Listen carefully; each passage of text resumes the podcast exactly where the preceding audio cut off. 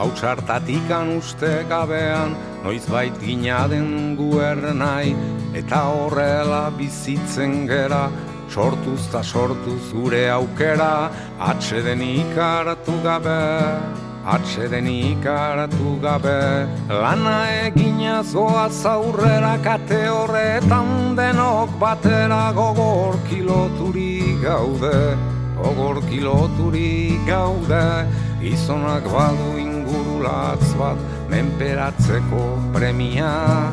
Urruka hortan bizida eta hori du bere egia. Ekin ta ekin bilatzen ditu saiatze hortan. Ezin gelditu jakintza eta argia. Jakintza eta argia.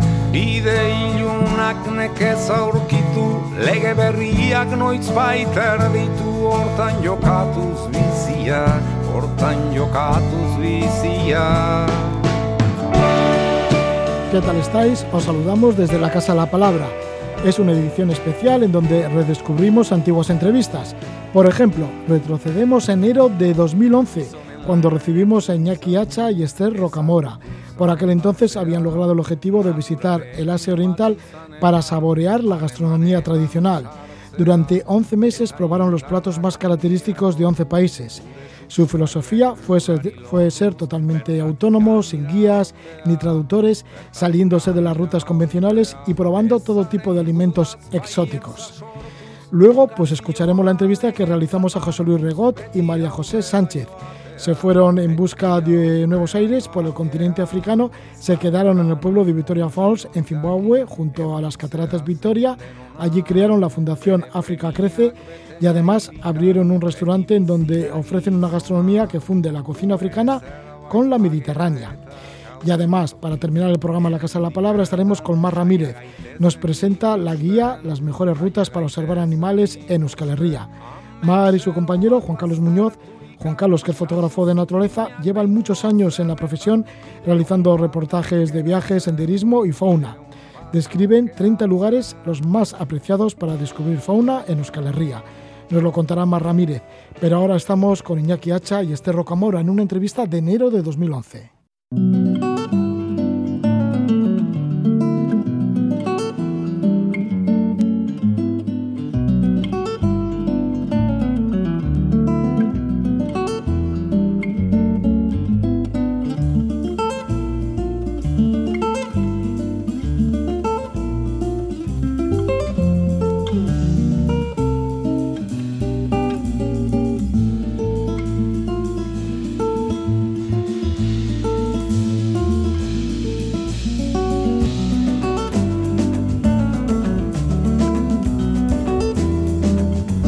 Es la música del guitarrista indonesio Topati. Y es que nos vamos a acercar al Asia, al Asia Oriental. Lo vamos a hacer a través de dos personas expertas, expertas en recorrer sus tierras y sobre todo en probar su gastronomía.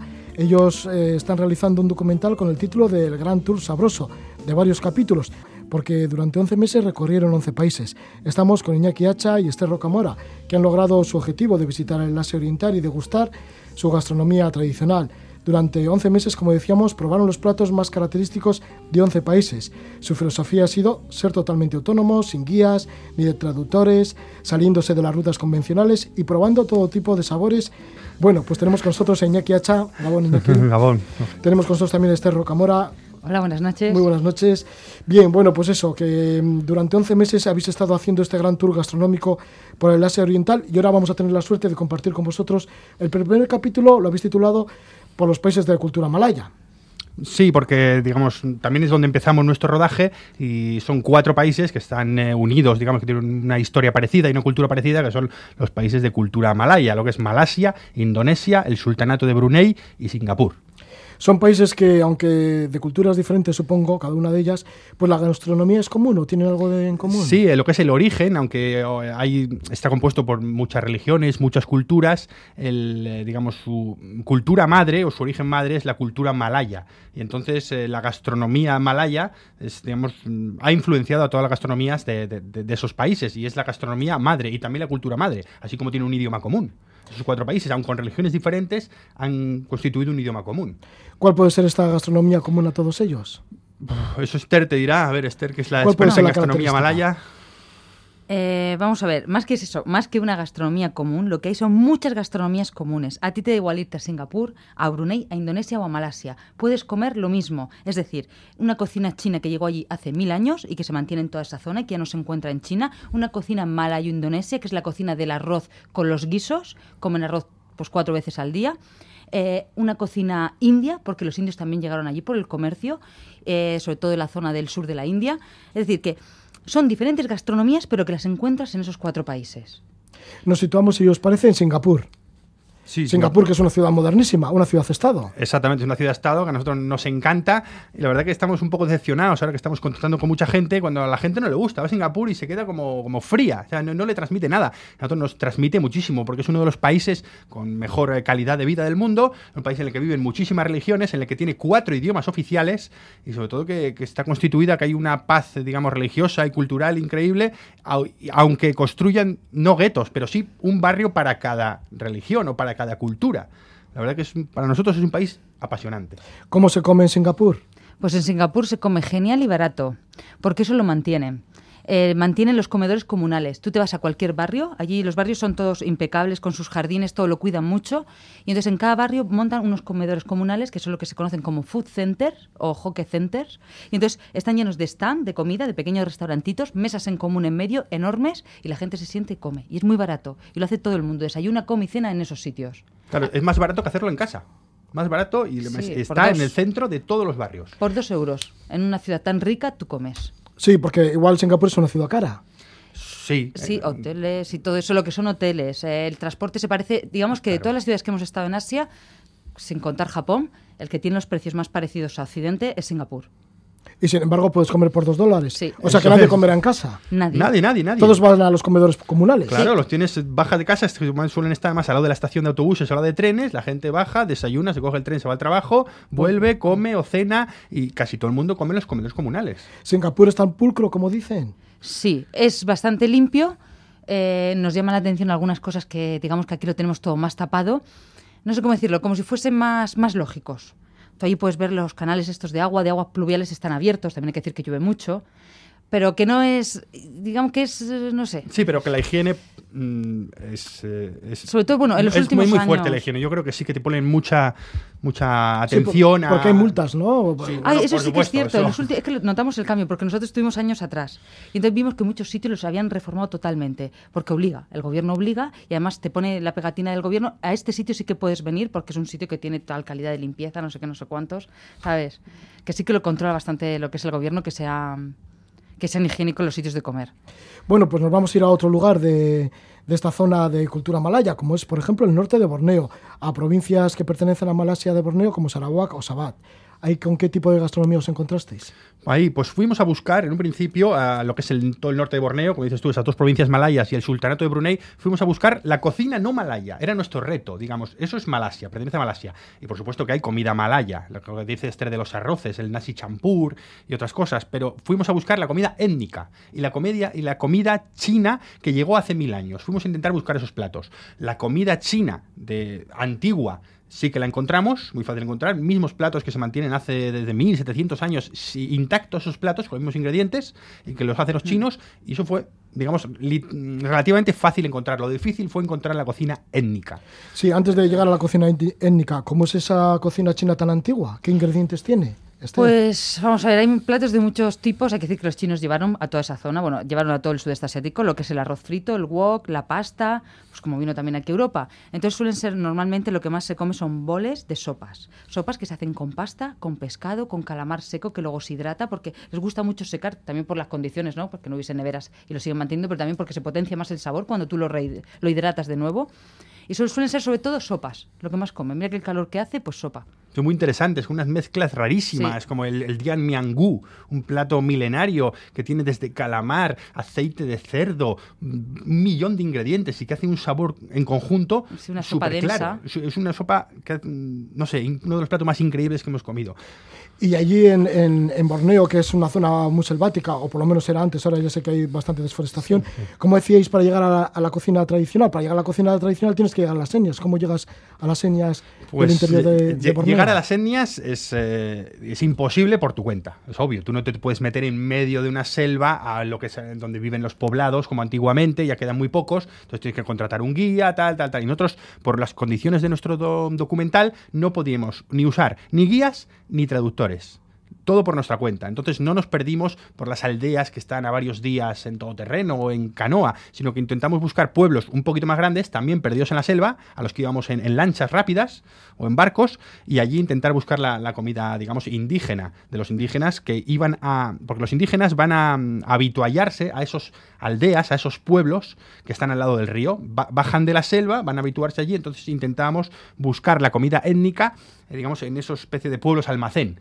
pero no las encontramos. No la encontramos. Ni la Murut, ni otras. Es que te explique por qué no la encontramos, porque yo todavía estoy cabreado. Vamos a ver, no solo, no, solo encontramos, vamos a ver, sí que encontramos una que fue la de la, de la etnia eh, Melanau, porque todavía siguen manteniendo sus tradiciones, eh, viven en un poblado sobre el agua y ahí disfrutamos de su comida, que no ha cambiado nada, hay que decir, viven tranquilamente. Hay que decir que es porque es una etnia que no ha sido guerrera los más guerreros, que eran los que lucharon pues, contra los ingleses, contra todos los pueblos que pasaron por allí, son los que han sido luego más absorbidos.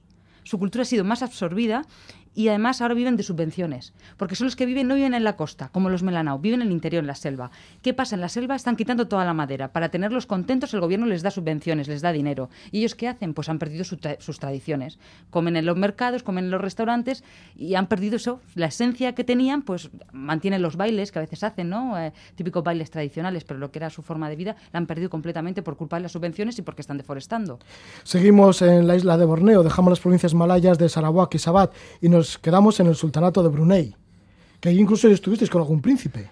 Sí, por casualidad, la verdad que es un país... Porque además eran estos príncipes multimillonarios, supongo. Sí, de los más ricos del mundo. El tema es que, claro, nosotros eh, hemos hecho el documental sin permisos de grabación para, y sin decirle a nadie que era un documental, para, digamos, que las grabaciones fueran más naturales. Como, como dos viajeros cualquiera que se sientan en un sitio, comen, preguntan, van a un mercado, pero, claro, Brunei es un país muy pequeñito y muy controlado, es una dictadura islámica y nos detectaron enseguida. Nos detectaron enseguida que no éramos turistas, entonces, pues, al cabo tal, muy amigablemente contactaron con nosotros y al final nos presentaron a un hombre muy majo, que hablaba muchos idiomas y tal. Que todo el mundo le hacía reverencias. Todo el mundo le hacía reverencias tal, y al final nos enteramos que era un príncipe, era un príncipe emparentado directamente con el sultán de Brunei, y aparte ese príncipe, trabaja, es, el responsable de relaciones exteriores del país. Nos invitó a su casa, nos llevó a los mejores sitios a comer, nos regaló los trajes típicos. Nos regaló los trajes típicos, increíble. Nosotros teníamos miedo de que, como es ilegal rodar un documental sin un permiso de grabación en ese país, pues que nos hicieran algo. Al revés, nos ayudaron. Nos llevaron a todos los sitios, nos enseñaron de todo. Llamaron a la prensa. Bueno, sí, salimos en los periódicos, salimos en tal, la gente nos conocía por la calle, claro. Es increíble, es un país muy pequeñito, 350.000 habitantes y salimos en tres periódicos. Al principio teníamos miedo, ¿eh? Porque, dijimos, mira que... Y, luego nos dimos que va, qué bueno, y pensamos, qué buenos que son, nosotros mal pensando y ellos al revés, venga, venga a tratarnos bien, a, a mostrarnos el país. No sé. ¿Cómo es la cocina de Brunei entonces? Porque sí que habéis comido bien en, Brunei. Sí, muy bien. En Brunei, la, cocina madre de Brunei es la cocina malaya, la cocina de los arroces. De los arroces acompañado con guisos, con guisos de carne, con guisos de pescado. Sí, pollo frito, con, pollo frito, curry. es, la madre es la, gastronomía malaya. Pero en Brunei le han dado una vuelta. Brunei es un país muy rico por el petróleo, le han dado una vuelta. Y entonces han hecho que todo sea buffet. Desayuno buffet, comida buffet y cena buffet. Y muy barato. Muy, muy, muy, muy barato. Eh, para los sueldos que cobra la gente allí. Entonces todo el mundo va a los buffets y les encantan los buffets.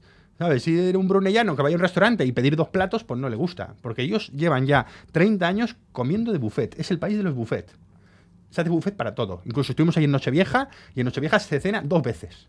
Y luego una, cosa así. ¿Dos veces? Dos veces. Sí, no, y en Nochevieja, con lo que es la cena de Nochevieja. dos buffets. Dos, buffets. Y luego, por si alguien no sé, siente interés en ese país, lo mejor es ir cuando es el cumpleaños del sultán, porque entonces lo llenan todo de, de mercados nocturnos, donde todas las especialidades y dulces del país, tú puedes comprar todo lo que te dé la gana a precio, pues céntimos. Porque claro, todo eso lo paga el sultán.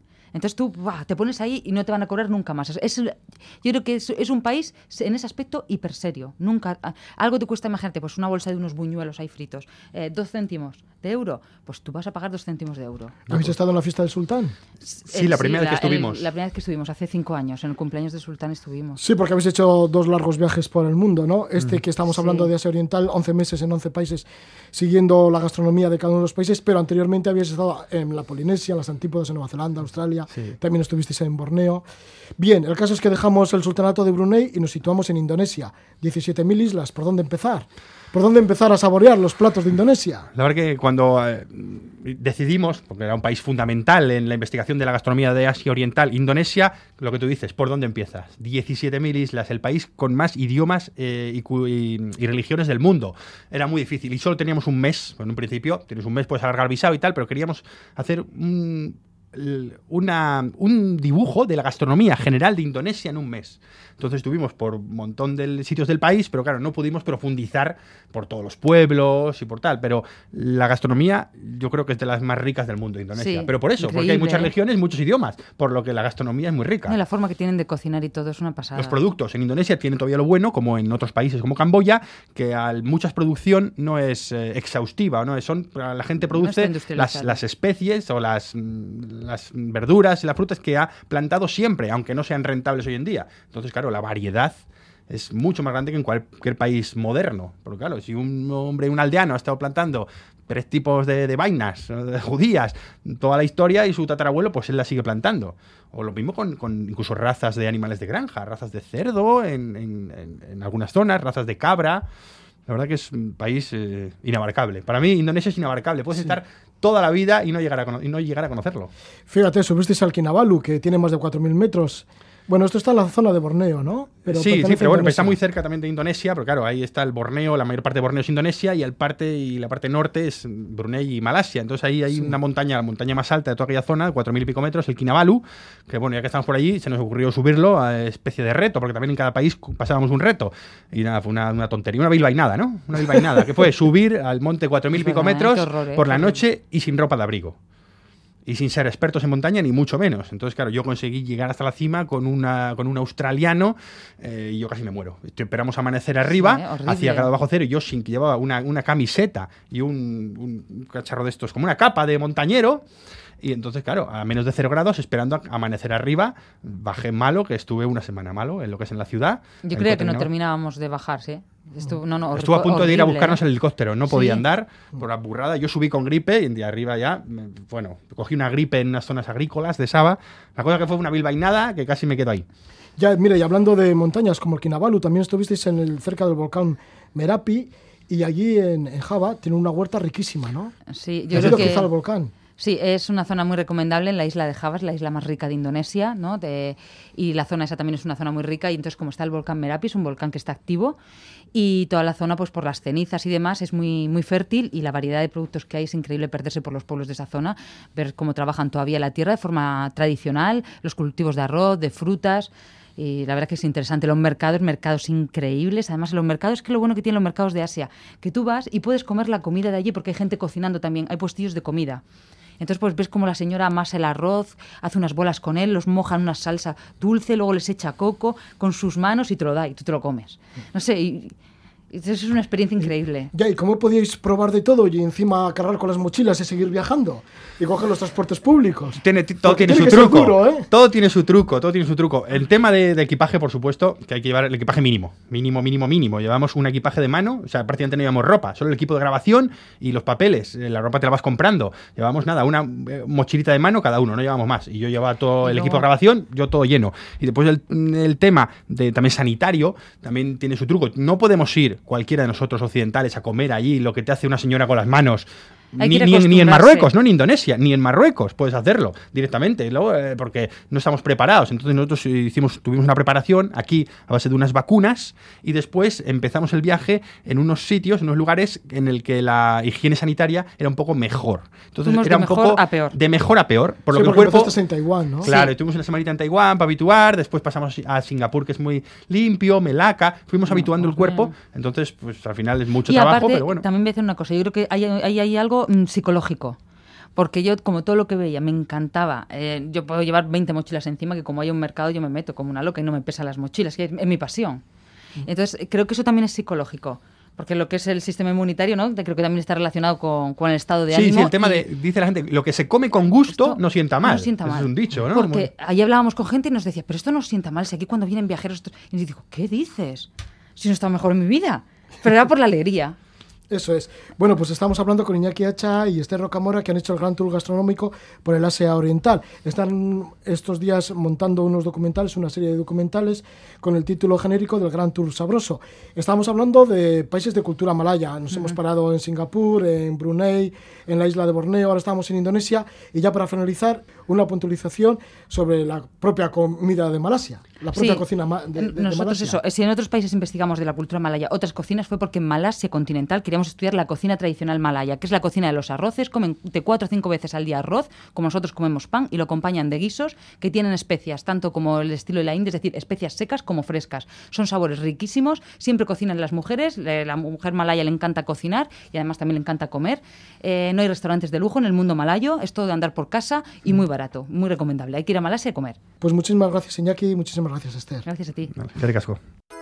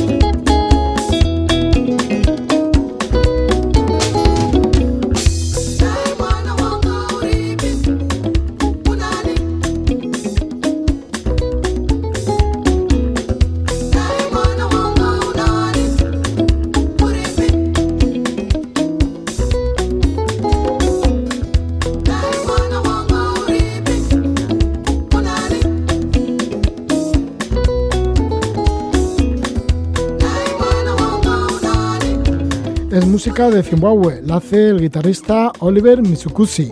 Nos vamos a acercar a Zimbabue y además a uno de los sitios más bellos de todo el mundo, como son las Cataratas Victoria. En Victoria Falls viven nuestros invitados. Ahora os lo vamos a presentar. Son José Luis Regot, él tiene 68 años, y María José Sánchez, que tiene 53 años. Querían salir de Europa para comprobar otras maneras de vivir, así que en el año 2008 esta pareja dejó Cataluña, dejaron el trabajo, se compraron unas mochilas y emprendieron ruta por el continente africano. Así empezaron por Angola, continuaron por Namibia, por Botswana, por Zambia, por Zimbabue. Les cautivó de gran manera las cataratas Victoria, como no, pero también les cautivó un montón su gente.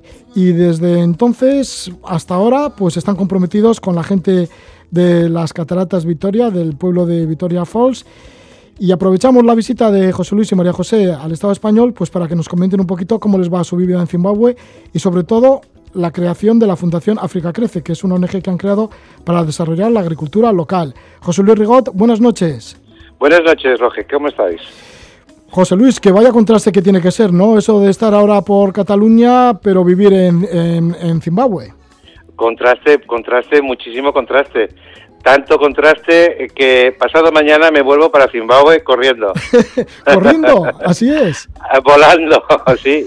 Pasado mañana me vuelvo. ¿Y qué tiene, qué tiene Zimbabue? ¿Qué tiene las cataratas Victoria y el pueblo en donde estáis vosotros, en Victoria Falls? ¿Qué tiene todo ello para salir corriendo para allá?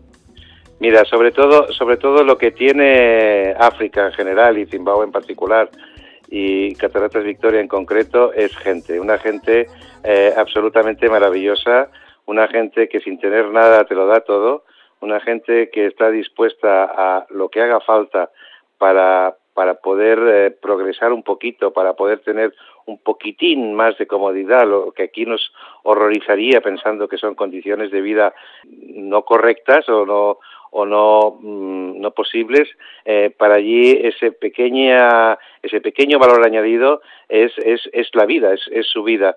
Ese, esa, esa percepción de la vida eh, les hace que, que sean tan enormemente abiertos y agradecidos para todo y por todo, que la verdad es una satisfacción ver eh, la, sonrisa, eh, la, eh, la, acogida, la gente, es llena el espíritu de cualquiera. ¿Cómo os instalasteis en el 2009 allí en Zimbabue, en Victoria Falls? ¿Cómo hicisteis ese proceso de desmontar vuestra vida en Cataluña y montarla en las cataratas Victoria? Bueno, como, como tú has dicho, te comenté, la, la idea era salir de España y, buscar uh, un lugar donde pudiéramos hacer cosas diferentes, cosas que nuestro bagaje eh, profesional y cultural eh, local permitieran a otras personas, eh, pues, no sé, conseguir un poquitín más de comodidad de vida. en, esa, en, esa, en esa tesitura, yo le dije a María José, le propuse a María José ir a, la India, por aquello de que a mí me llamaba mucho la, mucho la atención la cultura oriental y por aprender un poco más de la cultura oriental.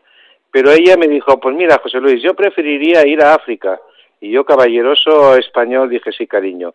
Y aquí estamos, en África. Eh, ese fue el, movimiento hacia África.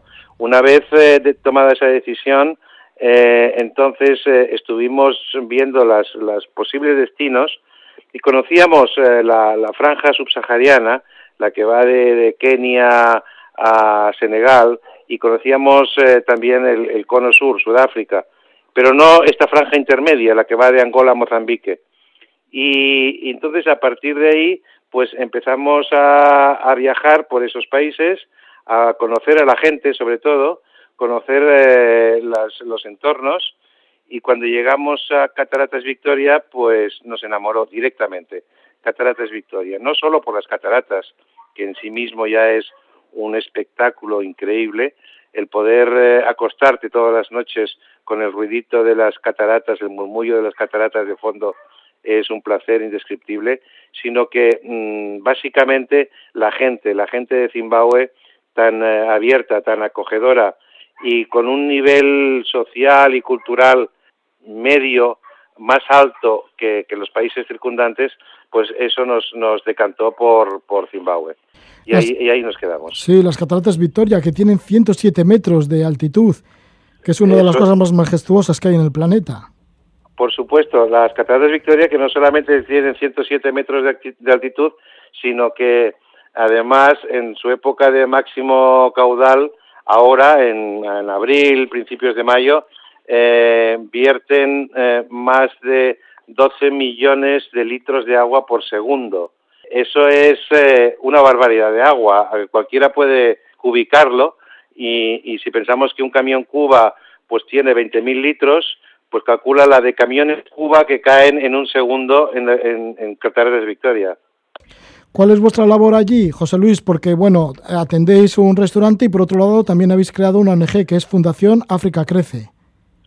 Sí, ese fue, ese fue nuestro primer eh, objetivo. Em, cuando vas a un país de estas características, lo primero que tienes que plantearte es qué puedo dar y después te plantearás qué puedo recibir. Pero lo primero es qué puedo dar.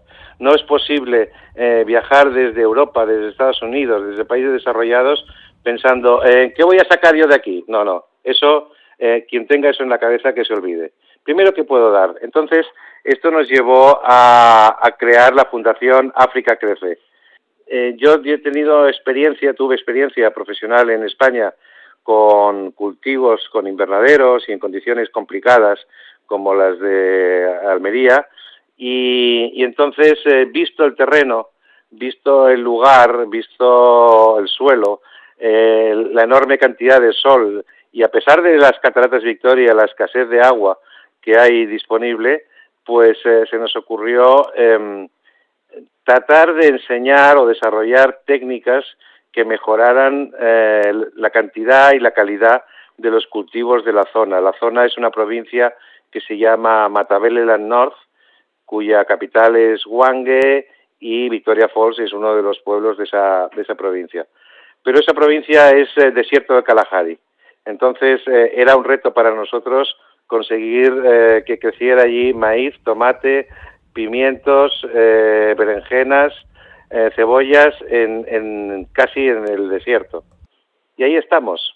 El suelo es completamente arenoso, como si estuvieses en, una, en una playa del Cantábrico. gota de agua que tiras, gota de agua que desaparece en dos segundos. Entonces, eso era un reto. Para eso, o por eso, hicimos un acuerdo, un contacto con eh, la Universidad Politécnica de, Cataluña, con el, Departamento de Agricultura, de Ingeniería Agrícola en, condiciones extremas y traemos cada año cuatro o cinco estudiantes de último curso de, del máster en, agricultura en condiciones extremas para, para desarrollar eh, prototipos, eh, ensayos de equipos, de, fórmulas, de soluciones, etcétera, que la verdad nos están dando a todos, a, nosotros los primeros en esta ocasión, eh, una satisfacción enorme, pero sobre todo a la gente de allí, pues poder tener eh, mazorcas de maíz que son un 30% mayores que las que tenían antes, o tener tomates donde no podía, no había tomates, o tener eh, otros productos hortofrutícolas donde antes no había más que arena. Si te parece, José Luis, se puede poner María José, que está junto a ti, y así seguimos comentando. A mí, María José. Vale, muy bien. ahora mismo se pone. Muchísimas gracias, Roger. Buen viaje a las Cataratas Victoria. Muchas gracias. Gracias. Pues sí, estamos con María José Sánchez. Hola, buenas noches. Muy buenas noches. Pues sí, que estáis ahí en Zimbabue, ¿no? Desde, desde el año 2009 con la Fundación África Crece y por otro lado también habéis creado un restaurante. Sí, tenemos el restaurante y, y África te da tantas opciones que hacemos muchas cosas todos los días. Y nuestro restaurante es una gran satisfacción porque es una fusión entre eh, la comida mediterránea, el modo de hacer mediterráneo, siempre con producto africano. Y bueno, y cuando la gente de España venga a Lola se darán cuenta que nuestros camareros pueden hablar español. Es una asignatura para mí muy importante. Todos mis camareros hablan castellano lo voy a llegar al catalán y al vasco y todo. Y ahora se van a presentar al examen y todos mis empleados van a tener eh, su titulación en habla castellana.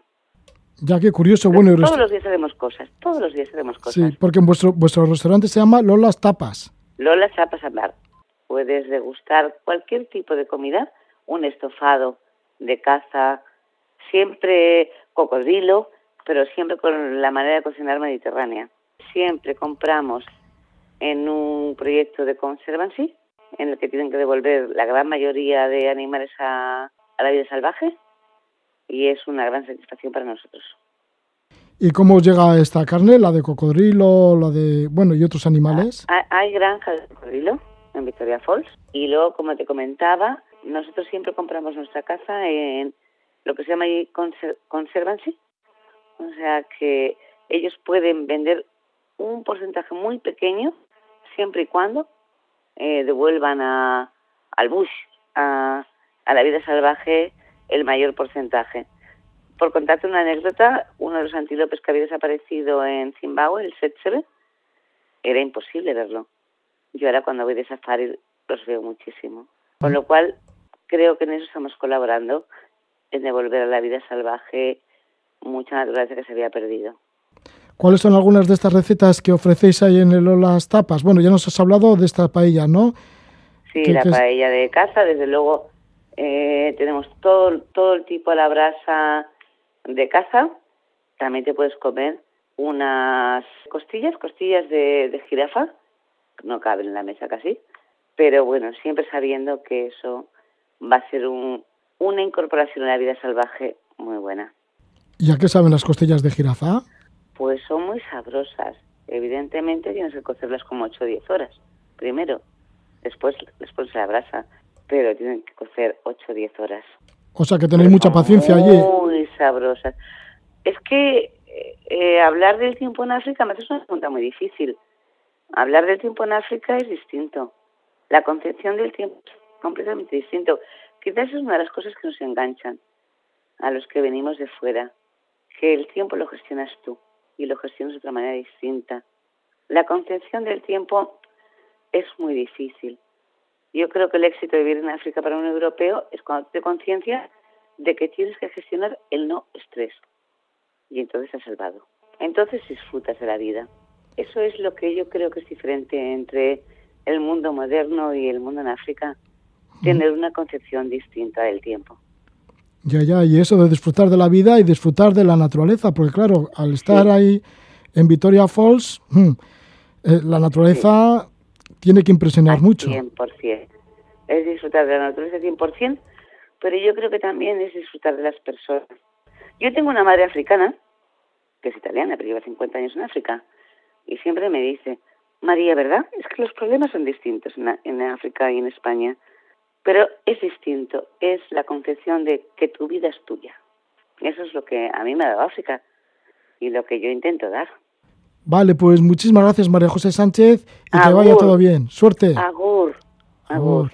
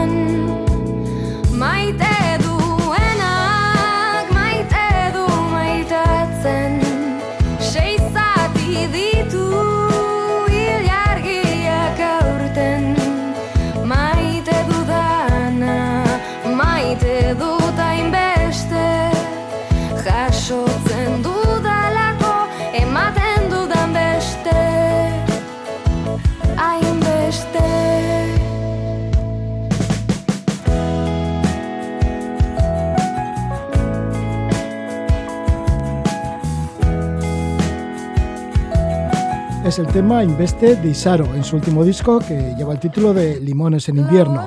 Vamos a repasar un libro con el título de Rutas para observar animales. Estamos con una de sus autoras, Mar Ramírez, que junto con Juan Carlos Muñoz van siempre juntos a realizar grandes reportajes de naturaleza. Bueno, pues junto con Juan Carlos Muñoz son los autores de este libro, Rutas para observar animales, que lo edita la colección Euskal Herria de Sua Edisioac. Mar Ramírez, que es bióloga, escritora, autora de guías de naturaleza y viajes y bueno, pues va recorriendo diferentes partes del mundo y en esta vez, pues bueno, las mejores rutas para observar animales presentan 30 lugares de Álava, Guipúzcoa, Nafarroa y para Euskal Herria. Han buscado los mejores lugares de nuestro territorio para descubrir su fauna. Contamos con la presencia de Mar Ramírez, a la que le damos la bienvenida. ¿Qué tal estás? Mar, bienvenida, muy buenas noches. Buenas noches, Roge. Bien, bueno, pues aprecia muchísimo en esta guía que lleváis muchos años recorriendo nuestra geografía, ¿no? Que lo habéis pateado mucho, que os habéis curtido en la naturaleza y, claro, me imagino que sí, que cuesta mucho elaborar esta guía, pero ya tenéis un pozo que viene de atrás. Sí, hay una parte que es cierta, que es afición, que es eh, placer, entonces sí, tú te vas a observar, a recorrer sendas y vas acumulando un conocimiento. El descubrimiento, lógicamente, se hace paso a paso. No todos los animales los vas a ver en una ruta de dos horas un día pero sí que hay muchas posibilidades. Entonces se trata de repetir muchas veces y sobre todo de una actitud. Si tú vas tranquilo, si tú vas observando, atento, eh, mirando un poquito a tu entorno, eh, probablemente veas más fauna de la que te crees que existe a tu alrededor, aquí en Euskal Herria. Entonces es la idea un poco de esta guía, descubrir esos otros seres que viven mucho más cerca de lo que pensamos. Las fotografías son bellísimas, la documentación también. ¿Forma parte de vuestro archivo personal? ¿De muchos años de trabajo? Sí, lógicamente, claro, hay sobre todo la parte fotográfica. Eh, la, fotografía de fauna es muchas veces en espera, en el momento adecuado, con paciencia. Entonces, claro, esto no lo haces tú en un paseo de campo y con un teléfono móvil. Ahí hay mucha fotografía que se ha hecho previamente o que se ha hecho aprovechando estas rutas, pero invirtiendo mucho más tiempo que realizar una ruta, claro. Entonces, sí que eso sí que también es una cosa que dejamos claro en la introducción y es eh, una cosa es disfrutar, y observar y, empaparte de naturaleza y otra cosa es quererte llevar una foto magnífica y más pues eso con los equipos que llevamos muchas veces al campo, que es un teléfono móvil, una pequeña cámara, entonces puedes hacer una foto de paisaje, pero evidentemente un pajarito bien fotografiado no vas a poder con cualquier cámara. Entonces, a veces es mejor pararse y simplemente mirar que no intentar hacerlo, acercarte y disturbiar al animal o el entorno, la senda o ponerte tú en peligro. Entonces, eso también hay que tenerlo un poco en mente. Es decir, la foto de fauna la hace quien sabe o quien le dedica tiempo y el resto nos dedicamos a caminar, a observar y a disfrutar sea disfrutar mucho y acomodarse a los ritmos que marca la naturaleza, que eso es fundamental. Eso es importante, sobre que ya conoces muy bien esos ritmos. Claro, y también las estaciones, es decir, hay épocas en las que los animales son más fáciles de ver, pues por ejemplo en invierno bajan más a los fondos de valle, muchas aves, algunos mamíferos, entonces se trata un poco de buscar también esos momentos o en pasos de migración, por ejemplo en aves, en lagunas, sí que hay épocas concretas en las que es un lujo o, los pasos pirenaicos, simplemente, pues ir en los momentos adecuados, tienes mucho más éxito. La observación de cetáceos en la costa igual, hay una época. Entonces, eso sí, hay que ajustarse a esos, a esos ciclos del mundo animal, claro. Y con tanto tiempo y con tanta experiencia ya aprendéis a reconocer la silueta de un vuelo. Igual ya solo por la silueta de un ave ya sabéis, este es tal, ¿no? Sí. Y bueno, luego también el tema de las huellas los movimientos de fauna en la espesura vegetal. Sí, yo creo que... Ya voy reconociendo todo ello. Claro, pero eh, eh, es uno de los grandes recompensas que te da la naturaleza. Yo creo que es eh, observar los indicios de la fauna. Muchas veces no ves propiamente, pero ves una huella, o ves un resto, o ves una pluma, o es lo que tú dices, un movimiento fugaz que pasa corriendo y dices, uy, ¿qué era eso pequeño? Pues donde estamos puede ser una garduña, no, pero tenía rayas, ah, pues a lo mejor es un tejón. Entonces, también te incita a investigar, a mirar un poco más, o a pararte realmente y decir, pues no, en ese tipo de bosque no puede haber, o qué es aquello que se ha movido allí, un corzo o un ciervo. Entonces, eh, te ayuda, te incentiva, incluso a veces te dice, pues mira, el próximo día voy a traer prismáticos, porque así seguro que si surge una presencia de algún animal un poco así en un prado, a lo lejos y tal, pues puedo distinguir qué es. Entonces yo creo que también te va enseñando, la naturaleza te enseña. Sí, marquéis algunas indicaciones para realizar un acercamiento a los animales silvestres, siempre tan esquivos, y también algunas normas, por ejemplo, la de mantenerse dentro de las sendas, de las sendas señalizadas. Importante, importante porque muchas veces es eso, o sea, no vamos por ello a ver eh, al animal mejor, porque el animal rápidamente se va a esconder o va a huir de nosotros, entonces es mejor casi quedarte pausado para que el animal se confíe en un momento dado y se quede en una cercanía que tú puedas observar, que no salirte o ir detrás del animal, que lo único que haces es él se va a escapar rápidamente de ti y tú incluso te puedes poner en peligro pues por salirte de una senda porque no sabes dónde pisas. Entonces no es lo adecuado y sobre todo también yo creo que es un, parte un respeto. Muchas veces estamos en lugares protegidos y hay un acondicionamiento de sendas, de rutas donde hay gran probabilidad de ver fauna y observar panoramas del paisaje que también te posibilitan ver fauna. Entonces yo creo que es más que nada saber pararse y saber observar, eh, entender de un trino, entender de una silueta, un pájaro que se mueve en tipinos que puede ser. Es más deducir ese entorno que no esperar que lo vas a tener, pues eso, como en un documental de la tele. La naturaleza no son documentales de la tele. Ya, y utilizar los miradores, ¿no? Como, como aliados para tener éxito con las observaciones. Sí, eso es muy importante y la paciencia. Yo soy una persona como bastante inquieta y bastante nerviosa he aprendido mucho de paciencia en la naturaleza, porque se trata de esperar, muchas veces esperar el mejor momento y eh, observar, observar y estar atentos, no estar distraídos o de espaldas a donde puede ocurrir. Entonces se trata de dedicarle tiempo respeto absoluto a la vida salvaje, también es lo que pedís. Son animales que no necesitan nuestra comida, ni nuestro cariño, bueno, nuestras caricias. Bueno, nuestro cariño igual sí, pero nuestras caricias no. O sea que hay que evitar un poquito todo esto. Sí, sí, sí. Yo creo que eso es una parte que nos lleva muchas veces a la confusión y sobre todo a hacer más daño que beneficio. Los animales realmente se alimentan en la naturaleza y no necesitan nuestro aporte, ni nuestros restos de cuando comemos, ni nada en absoluto. Entonces, en ese sentido, hay que ser respetuosos y entender siempre que es un animal silvestre, incluso en momentos dados que están distraídos, por ejemplo en la berrea del ciervo, eh, son momentos eh, para, para, esta especie eh, muy importante, es un momento muy frágil e incluso enfrentamiento. Entonces hay muchas veces que la gente se acerca porque ven a los animales parados, están compitiendo entre sí los machos, pero un macho em, enervado se puede dar una vuelta y embestirte con la cornamenta mucho más rápido de lo que tú crees. Entonces a veces la gente se acerca con la idea de hacer una foto y se pone en peligro cuando no tiene sentido, porque nunca vas a hacer una foto adecuada porque son las luces del amanecer o las del atardecer cuando ves estos animales. Entonces nunca vas a hacer una foto buena no tienes luz suficiente. Y sin embargo sí que te puedes poner en peligro. Y como eso muchas cosas, pues por ejemplo las observaciones en costa, aquí todos los cabos para ver aves o para ver cetáceos, pues también tienes que tener una tranquilidad de ponerte en un sitio seguro, porque un sitio inestable, un terreno inestable o un tener unos prismáticos mal colgados del cuello, pues puede suponer un, traspiés y que allá vayas tú o allá vayan los prismáticos. Entonces es importante esa actitud de, de paciencia, de observación y de mantener distancias mantener distancias y eso, no dar comida a los animales ni nada de esto, ni efectivamente, ni nada. Efectivamente, porque son animales salvajes y, lo van a seguir siendo. Eso es. Bueno, el caso es que vamos a repasar alguna de estas 30 rutas para observar animales que aparecen en esta, en esta colección, en esta guía, y vamos a dar grandes saltos. Por ejemplo, empezamos por Salburúa. Hay en Vitoria-Gasteiz las lagunas a las puertas de Gasteiz, ¿no? Que es un conjunto de cuatro lagunas. Sí, es y un claro, lujo. Para observar aves será ideal también. Es un lujo, es un lujo porque está a las puertas de la ciudad, está en el, anillo verde y bueno, puedes ir desde la ciudad, evidentemente si eres habitante van los vecinos caminando o en bici y demás, y si llegas desde fuera, pues puedes ir tranquilamente te da la sensación de que estás en un parque periurbano, pero realmente es pura naturaleza.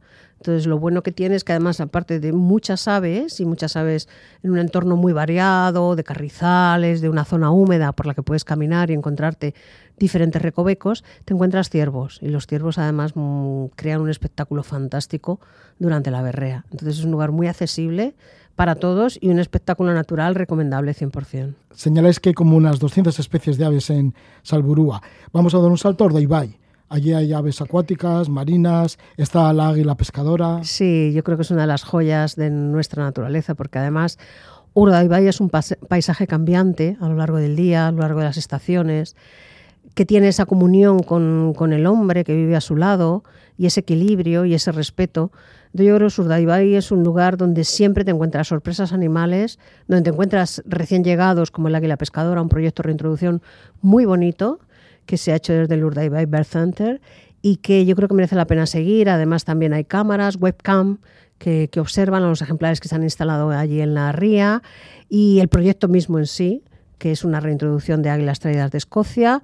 Eh, bueno, pues todo el éxito y todo, todo el proceso merece muy bien seguirlo. Además, allí en el centro, como os decía, tienen rutas guiadas, te enseñan zonas del humedal y especies, y yo creo que todo eso hay que aprovecharlo, porque hay muchos recursos, muchos centros que hacen visitas guiadas, a veces gratuitas, a veces con una contribución simbólica, pero que te permiten conocer e interpretar esa naturaleza por la que tú vas a pasear de una manera espléndida, porque hay guías, hay profesionales tremendos, materiales que te dejan como prismáticos, eh, libros para identificar, te ayudan con láminas, observatorios que hay en la naturaleza, que incluso pues, están equipados con láminas con las aves que puedes ver. Entonces yo creo que todo eso tenemos que aprovecharlo y está un poco mm, infravalorado. Otro de los puntos fundamentales dentro de la costa para la observación de animales es el Cabo Machichaco. Ah, sí. Claro, de allí habéis visto hasta cachalotes, ballenas yubartas, orcas, porque aparece una orca y todo, una fotografía de una orca en el libro. Sí, efectivamente, no son tan frecuentes, pero sí que es cierto que las orcas se acercan en general eh, la zona de nuestra costa, la vizcaína, sobre todo la parte de vizcaína y también la, la guipuzcoana. Es un lujo subirte a promontorios como el Cabo Machichaco porque hay una riqueza de cetáceos sorprendente y muy cercana, muy cercana por la profundidad de las aguas, por la plataforma continental y por la fosa que hay eh, en lo que es todo el Golfo de Vizcaya. Entonces, em, esa profundidad de aguas y la riqueza de alimentos da eh, un atractivo tremendo a los cetáceos.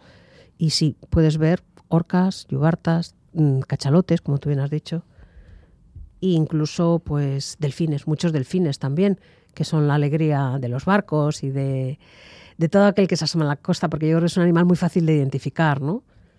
llamáis a este capítulo del Cabo Machichaco el faro de las ballenas, pero también aparecen otros faros, como por ejemplo el faro de Iger. Exacto, estábamos hablando de la parte de Guipuzcoana, pues también. Además es un buen lugar para ver aves. Que es el faro más oriental de Guipúzcoa. Efectivamente, es un faro muy bonito, además está muy, muy bien acondicionado, es un observatorio precioso y también es un buen lugar para ver aves. Además está al lado de toda la bahía de Chingudi, que es otro de los humedales, yo creo eh, que merece la pena un paseo porque han hecho un esfuerzo tremendo de recuperación en un entorno muy urbano y sin embargo el humedal está espléndido. Han hecho un proyecto muy bonito, se han recuperado las lagunas, la marea y sobre todo todas las aves que lo, que lo frecuentan.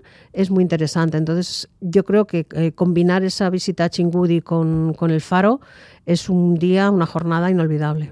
En Guipúzcoa también está Pagoeta, refugio de ah, abejas entre ellas. Sí, Pagoeta es un parque que, bueno, muchos conocemos, que además tiene sendas muy interesantes, pero encima tiene una complicidad fantástica que es unas colmenas que las tienen accesibles para visitarlas. Van colegios, van niños, pero los mayores yo creo que nos quedamos tan embobados como los niños, porque pues ves una colmena desde dentro y además eh, los guías apicultores te enseñan todo el proceso, la forma de vida de las, de las abejas y la importancia que tienen para nuestra supervivencia como especie. Entonces, yo creo que es una visita que es recomendable para toda la familia.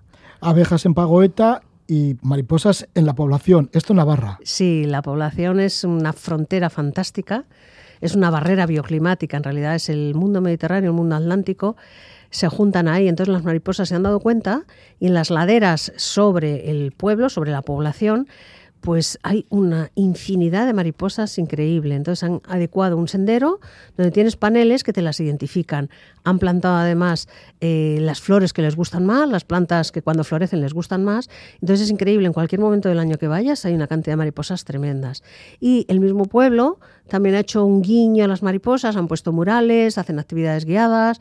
Entonces, mm, una micro reserva que yo creo que merece la pena también visitar en la población hay más de 70 especies de mariposas. Sí, sí, sí, sí. sí. Y luego también está el Valle de Aranguren, en Navarra, también. que es una reserva de la mariposa isabelina. También, esta es, bueno, la reina de las mariposas. Cuando la ves es impresionante. Bueno, aquí la estamos viendo la fotografía. La foto, nosotros la vemos. El resto tenéis que ir a Aranguren.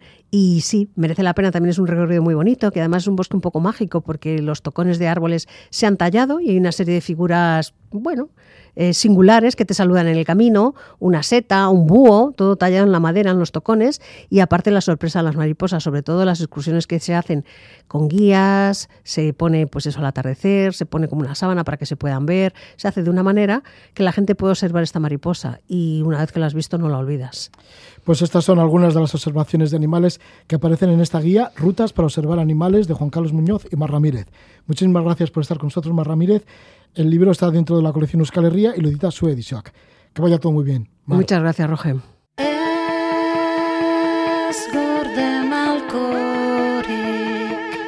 Mar Ramírez ha tenido la gentileza de presentarnos la guía Las mejores rutas para observar animales en Euskal Herria. Nos vamos con la música de Sean Mais y el tema Sub Borroca. Que vaya todo bien. Sub